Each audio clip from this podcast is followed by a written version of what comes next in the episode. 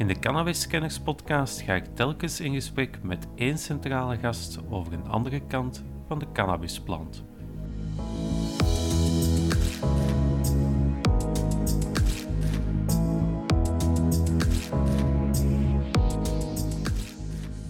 De informatie rond het gebeuren wordt een beetje verstoord door de perceptie van verschillende politici. Eigenlijk zegt men hier, zolang dat je maar niet betrapt wordt met meer dan 3 gram. En als je dat wel betrapt wordt, dan vervolgen we en dan is niet. Als je in een voetbalstadion doet, dan moet je het stadion niet meer binnen, maar dan moet het wel op de openbare weg doen. Ik denk dat het grote probleem is, is dat het debat vergiftigd is.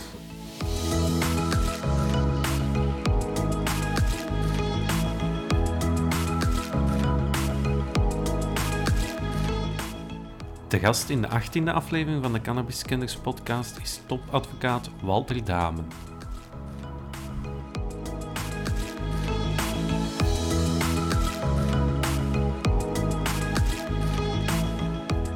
Politiek, de media. Overal horen we dissonante stemmen over het gebruik van cannabis. Tijd om de plant onder een ander licht te houden. Welkom bij Cannabis Kenners. Goedemiddag, Walter Dame. Uh, eerst en vooral bedankt om mee te werken aan het interview. Graag gedaan. Um, eerst en vooral mijn eerste vraag. U hebt een paar jaar, vorig jaar, meegewerkt aan het toneelstuk Cannabis Monologen. Um, wat was voor u eigenlijk de aanleiding om daar uw medewerking aan te verlenen? Goh, verschillende redenen. Eén, omdat de Universiteit Gent dat, dat dan, enfin, die Mats, de, iemand die daar assistent is, dat had gevraagd. Ik heb dat Ja. met iemand afgesproken Mhm. en ik vond die doelstelling eigenlijk wel grappig. Uh, namelijk de, het in vraag stellen Mhm. van de cannabisplant, of die in het strafrechtelijk systeem moet blijven, Mhm. of dat die uit de strafwet moet worden gehaald. Met daaraan dan gekoppeld, wat doen we met ons gedoogbeleid? Mhm. En hoe verhoudt zich dat, dat was dan voor mij weer een belangrijke, hoe verhoudt zich dat ten opzichte van andere roesmiddelen die wel legaal zijn en die misschien soms meer schade toebrengen. Ja. La, laten we eerst eens kijken, omdat u zelf al aangeeft, hoe verhoudt zich dat tot andere roesmiddelen? Wat is uw opinie vanuit uw praktijkervaring uw persoonlijke visie? Hoe ziet u cannabis daar dan in, in heel dat spectrum van roesmiddelen? Ja, ik zie vooral alcohol dat overal te koop is en vaak vanaf 16 jaar en dat Mhm. massaal geschonken wordt, dat ook helemaal ingeburgerd is en ook een zeker eh, levensgenieterij uitstraalt. En daar versus dan eigenlijk die cannabisplant, dat ook een roesmiddel is, eh, die, die volledig eigenlijk in het strafrechtssysteem staat. Mhm. Nog altijd, met daar dan de absolute dubbelzinnigheid rond, dat je wel 3 gram of een gram op zak zou mogen hebben, maar dat het nog altijd in het strafwet staat en dat men eigenlijk een, een gedoogbeleid doet dat niet hoort. En als ik zie hoeveel zaken dat er bij mij binnenkomen die alcohol gerelateerd zijn door alcoholmisbruik, Mhm. ja, dat is ook enorm. En dan denk ik van, misschien is die verhouding wel een beetje fout.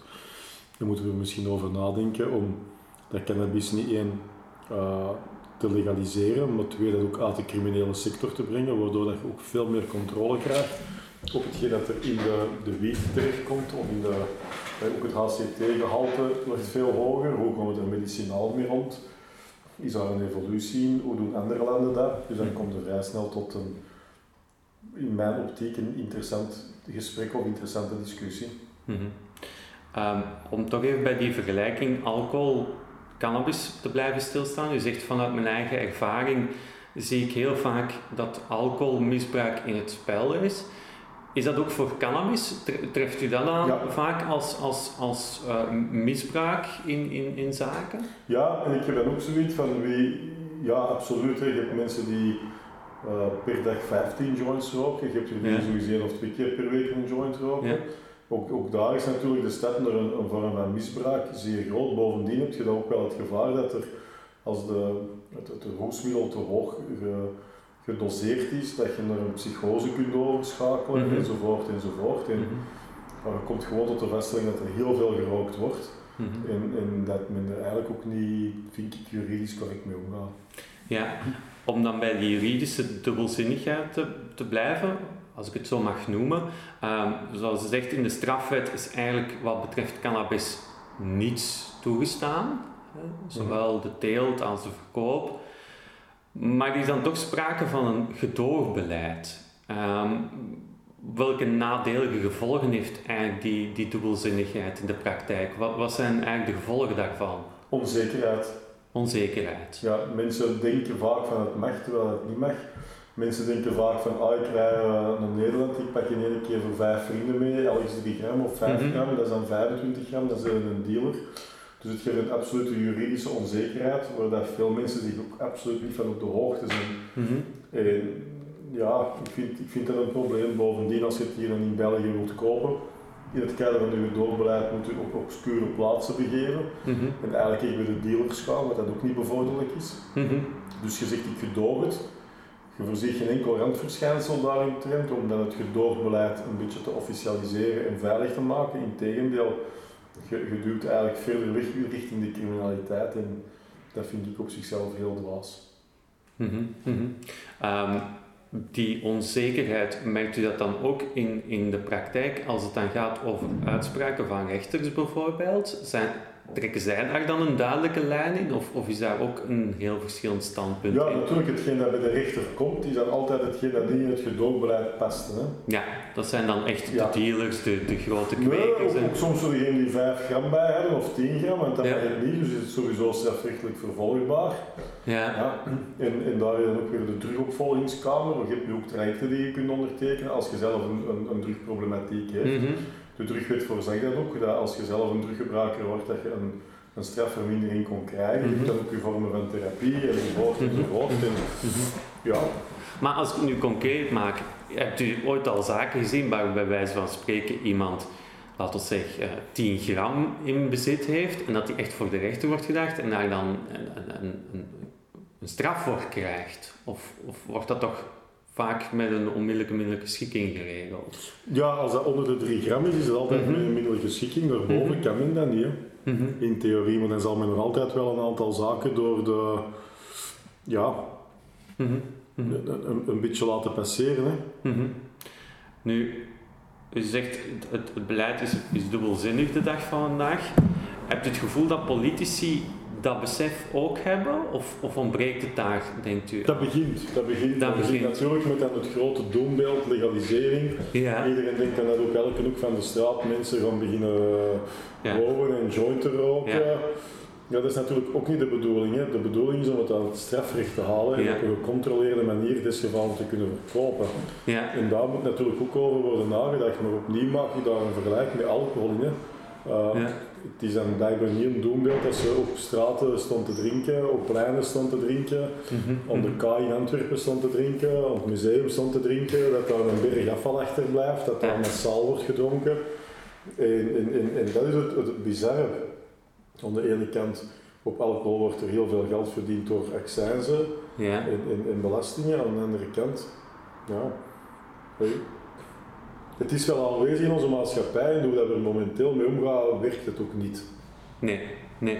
Want je ziet ook wel dat er in, in, in verschillende ehm, arrondissementen op een verschillende manier wordt mee omgegaan. Hè. Ik denk misschien het bekendste voorbeeld is, is hier in Antwerpen, waarbij eh, de burgemeester daar toch eh, eigenlijk, hij heeft zelf ook gezegd in een interview, die onmiddellijke, onmiddellijke schikking inzet als eh, middel tegen dat gedoogbeleid. Ehm, draagt dat dan ook niet nog extra bij tot die onzekerheid voor burgers? hebben alles, hè. als ik dat voetbal mag doortrekken, als wij in ons Beerschotstadion, was op een gegeven moment een discussie met, met parket, die vonden dat iedereen die een joint had opgestoken, dat was een specifieke actie, Ja. uh, minstens of toch zeker 18 maanden stadionverbod moesten krijgen.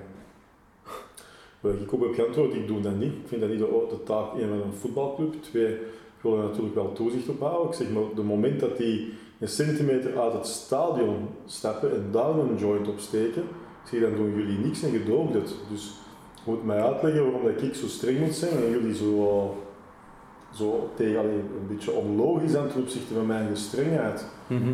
En dat was een hele moeilijke en je ziet dat, je ziet dat meer en meer. Mhm. Hebt u ook het gevoel dat in, in, in dat debat ehm, nog heel veel ehm, emoties meespelen, ideologische overtuigingen? Ja, absoluut. Ook veel onkennis. Hè. Ja. Aan de ene kant denkt men dan dat, dat er een zwaar probleem is. Om, ja, je ziet dat eigenlijk de, de, de, de informatie rond het gebeuren wordt een beetje verstoord door de perceptie van verschillende politici. En natuurlijk kun je teruggebruik of, of joints roken heel extreem voorstellen Mhm. als, als kwaadaardig. Mhm. Natuurlijk heb je een voorbeeld van mensen die roken die een psychose doen en van het dak springen enzovoort enzovoort. Ik ben het er allemaal mee eens, maar dat is dan meestal omdat de sigaret te zwaar gedoseerd is of het HCT-gehalte veel te hoog ligt. Mhm. Terwijl als je het zou gecontroleerd verkopen, zou je dat risico al niet hebben. Mhm. 1, 2, ik heb al zoveel mensen geweten die heel zware ongevallen doen en ook vallen en dit en dat door het misbruik van alcohol. Dus ik zie dat een enorm schisma. Het ene roestmiddel wel, het andere niet. Ja? En, en het ene mag overal verkocht worden en het andere wordt gedoogd. Het Mhm. ene staat niet in het strafwetboek, behalve als je de openbare dronkenschap neemt. En het andere blijft in het strafwetboek. Maar wat je dan vaak in dat debat hoort, eh, om, om op uw redenering in te gaan, is dat men zegt van oké, we hebben inderdaad alcohol al toegestaan als roestmiddel, moeten we daar dan nog cannabis gaan bijnemen? Dat is een correcte vraag, maar men neemt het erbij. Dat is mijn probleem. En mijn probleem is niet van nemen we het erbij of nemen we het er niet bij. Mijn probleem is het wordt gedoogd, maar het blijft in het strafrecht staan. Dus, het- dus voor u zou eventueel ook een, een, de andere piste een optie kunnen zijn. Hè? We zetten heel dat gedoogbeleid stop hè? en we gaan terug naar een totaal verbod zoals het eigenlijk was voor 2003. Dan is er een duidelijkheid. Ik zeg niet dat ik daarvoor standaard Ja. aan ben, maar hoe dat het momenteel verloopt is het onduidelijk. Ik ben ook niet geschoold in het kader van drugpreventie. Nee, ik ben ook nee. niet geschoold in het kader van alle mogelijke gevaren. Ik weet enkel dat het in Zwitserland op een andere manier wordt opgelost, in vele andere landen trouwens ook. Ja. Ik weet ook dat het beleid in Nederland ook niet het beste beleid is. Dus daar, daar komt Maar daar is ook weer, en daar speelt ook weer dat gedoorbeleid Ja. in Nederland. Eigenlijk is, is Nederland een extreme voorbeeld van wat Ja. hier geldt. Hè? Daar heb je eigenlijk nog de officiële verkoopkanalen, maar dan de inkoop in, aan de achterdeur is dan volledig illegaal. En hier laten we ook dat laatste stapje aan de Hier laten we eigenlijk, eigenlijk zegt men hier, zolang dat je maar niet betrapt wordt met meer dan 3 gram. Ja. En als je dan wel betrapt wordt, dan vervolg je je en anders niet. Maar als je het in een voetbalstadion doet, dan moet je het stadion niet meer binnen, maar dan moet je het wel op een openbare weg doen. Ja, je merkt het ook op festivals bijvoorbeeld. Hè? Kijk, daar, daar, Daar daar heb ik komt nog het niet gekeken. Ja, maar er wordt natuurlijk overal. Hè. Het is Ja, maar festivals wordt ook, ja, specifiek wordt in, in, bij festivals wordt er heel zwaar op gecontroleerd Ja. ook. Hè. Ehm, Maar ja, dat er wel worden alle festivals wel ges... Ik zeg het altijd al lachend van, kunt wij je inbeelden dat je niet meer de Jupiler Pro League zou hebben, maar de Cannabis Pro League? ja, het zal nooit geduld worden. Nee, nogthans dat in bijvoorbeeld Canada gedoogd wordt, op andere plekken ook, dat het een nieuwe miljoenen of miljarden industrie zal worden. Ja. Ehm, om het dan even naar, inderdaad over, over de internationale ontwikkelingen te hebben. Wat je ook vaak in het debat hier in België hoort is van kijk, we, we kunnen daar niet mee aan de slag gaan omdat we gebonden zijn aan internationale verdragen zoals het VN-verdrag in 1961. He- heeft dat eigenlijk nog, betekent dat iets of is dat volgens u een drogreden? Dat is volgens mij een drogreden, want uiteindelijk kun je nationaal altijd wel een aantal elementen doordrukken. Uh, die kun je eigen wetgeving ook omzetten, zoals men trouwens in andere Europese landen ook heeft gedaan. Ik denk dat het grote probleem is, is dat het debat vergiftigd is. Door? Door politici, door voor- en tegenstanders die ook de valse argumenten niet durven te schuwen. En als gevraagd waarom heb ik dat aangenomen om dat te doen, dan was dat bij mij omdat het mij verstandig leek om het debat te voeren. En we doen dat ook nu met een openbaar ministerie versus een advocaat. En dan de plant is dan degene die terecht staat en de Mhm. mensen mogen kiezen. En elk ontwikkelt zijn argumenten, die natuurlijk wel wetenschappelijk onderbouwd zijn en die geen, geen, geen valsheden en onwaarheden met zich meebrengen. Mhm. En als je mij vandaag vraagt, als je het legaliseert, wil je nog altijd niet een illegale stroom hebben van drugs, uiteraard. Mhm. En als je mij dan vandaag vraagt, zouden we dan cocaïne niet beter legaliseren? Nog zo'n roesmiddel dat met Ja. aanwezig is. Dan kun je ook de vraag stellen van ja, we zitten hier niet meer in een samenlevingsproblematiek. Want aan de ene kant, wat er ik weet niet hoeveel criminaliteit rond die cocaïne. Gigantische geldbedragen en vergiftigt dat een groot stuk van uw stad. Ja. Er zijn er ook heel veel afnemers. Misschien moeten we als overheid ook eens beginnen nadenken van tja. Uh, oftewel gaan we op een bepaalde manier zelf verschaffen, Mhm. maar onder toezicht dat mensen kunnen gebruiken. En verzwaart je enorm de, de andere straffen of gaat het meer eh, preventief werken? Maar er is geen goed antwoord voor niks. Net zo dat er voor alcohol ook geen goed antwoord is. Nee, maar, maar met alcohol hebben we toch op een bepaald moment gezien, en ik denk dat het moment in de jaren 20, 30 in de vorige eeuw ligt, in de drooglegging, heeft men toch op een gegeven ogenblik gezegd van ehm, de oplossing die we voorzien om een probleem te bestrijden, veroorzaakt meer problemen mhm. dan het initiële probleem dat je bestrijdt. Ja, klopt. Men heeft toen die beslissing genomen, ehm, maar men lijkt dat niet te kunnen of willen doordrukken naar andere roesmiddelen, om dat inzicht daarin te krijgen.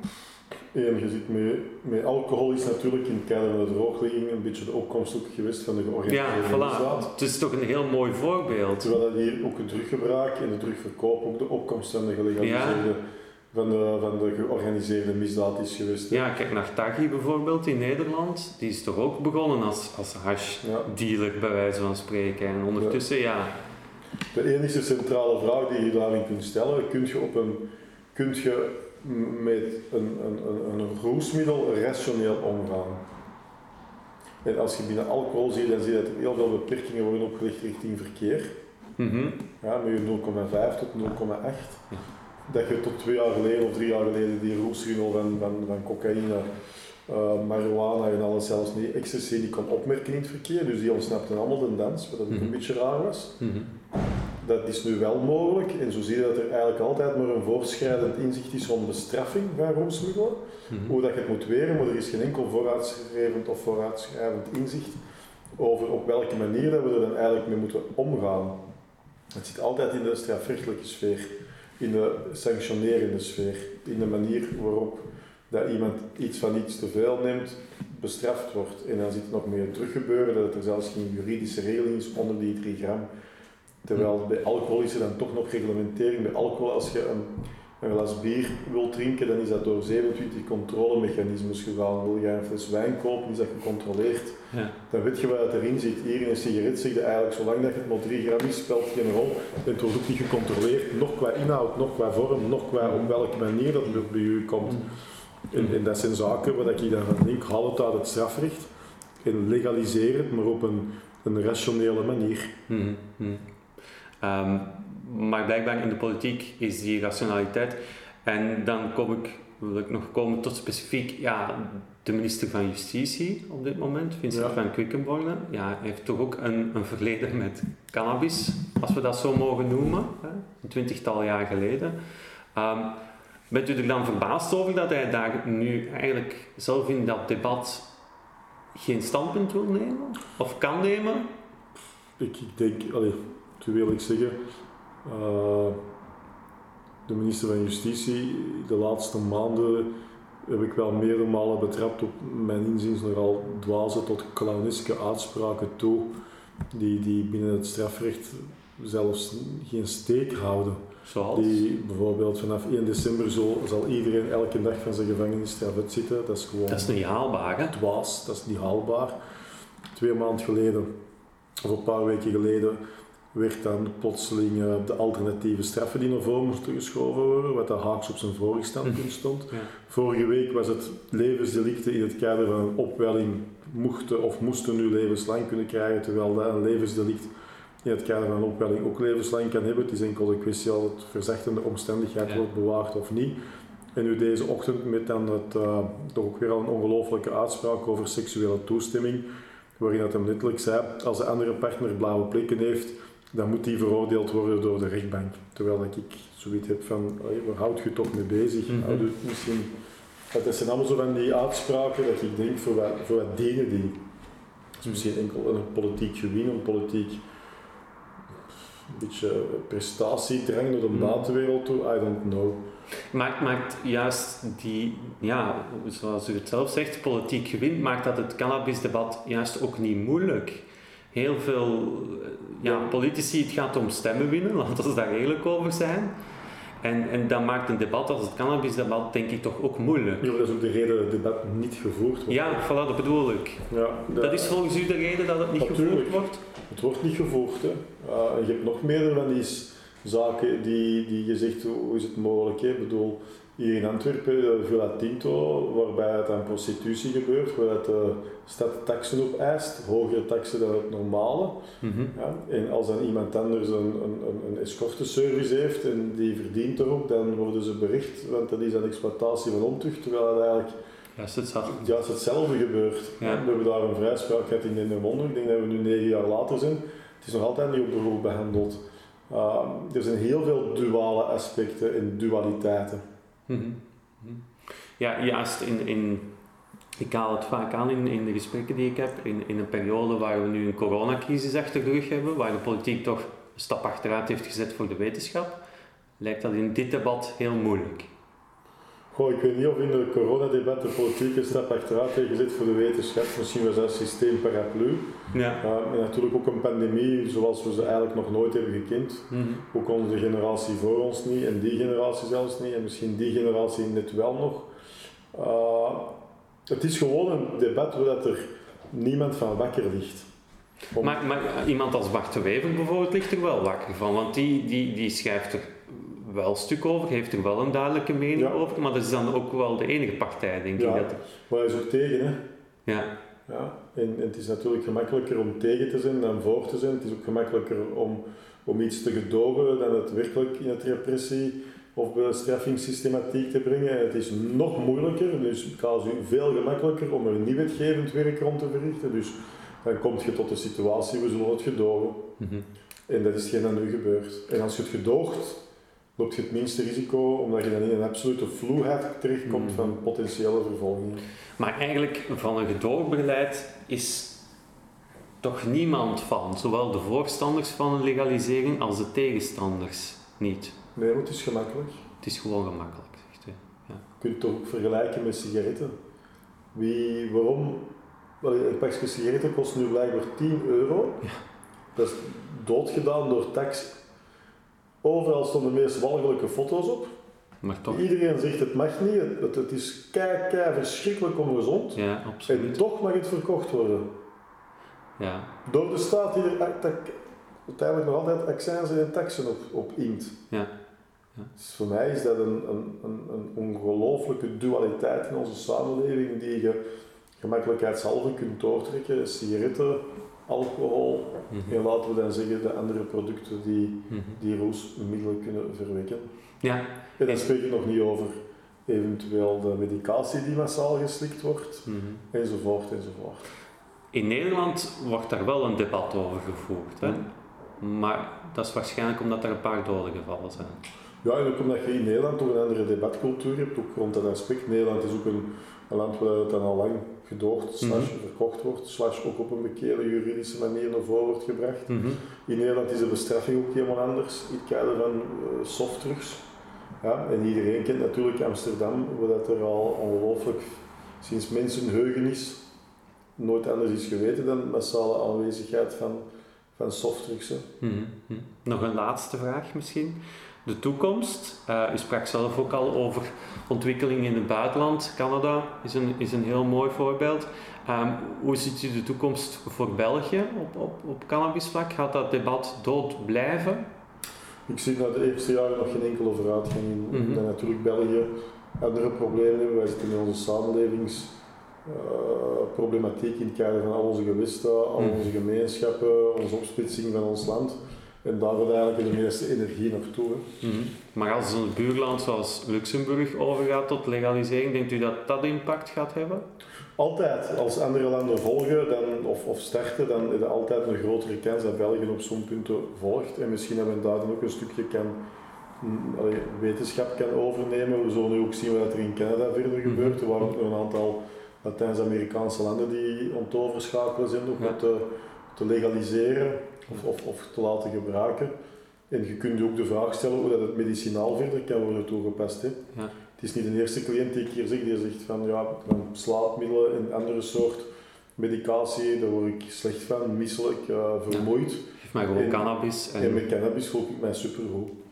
Is dat iets dat u ook kan, al- als u zo'n zaken krijgt van, van mensen die het als medicinaal gebruiken, krijgt u dat verkocht aan een rechter?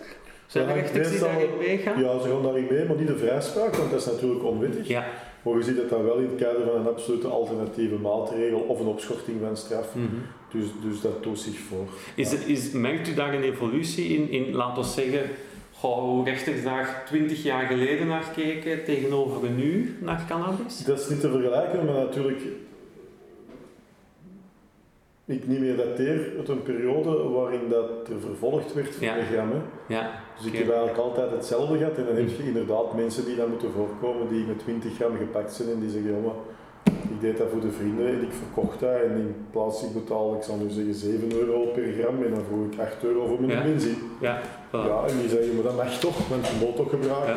Ja. En gaan rechters daarin mee in dat Ja, als, er, als dan duidelijk blijkt dat de uitlezing van gsm en, en andere Ja. communicaties, dat dat niet iemand is die overal zit te verkopen, maar inderdaad bijvoorbeeld ten opzichte van vier, vier kennissen, en dan kun je wel altijd een, een gunstmaatregel krijgen. Oké, in elk geval bedankt voor het beantwoorden van de vragen. Bedankt Walter Dame voor dit uitgebreide gesprek. En uw luisteraar hoor ik graag binnenkort terug voor een nieuwe aflevering van de Cannabis Scanners podcast.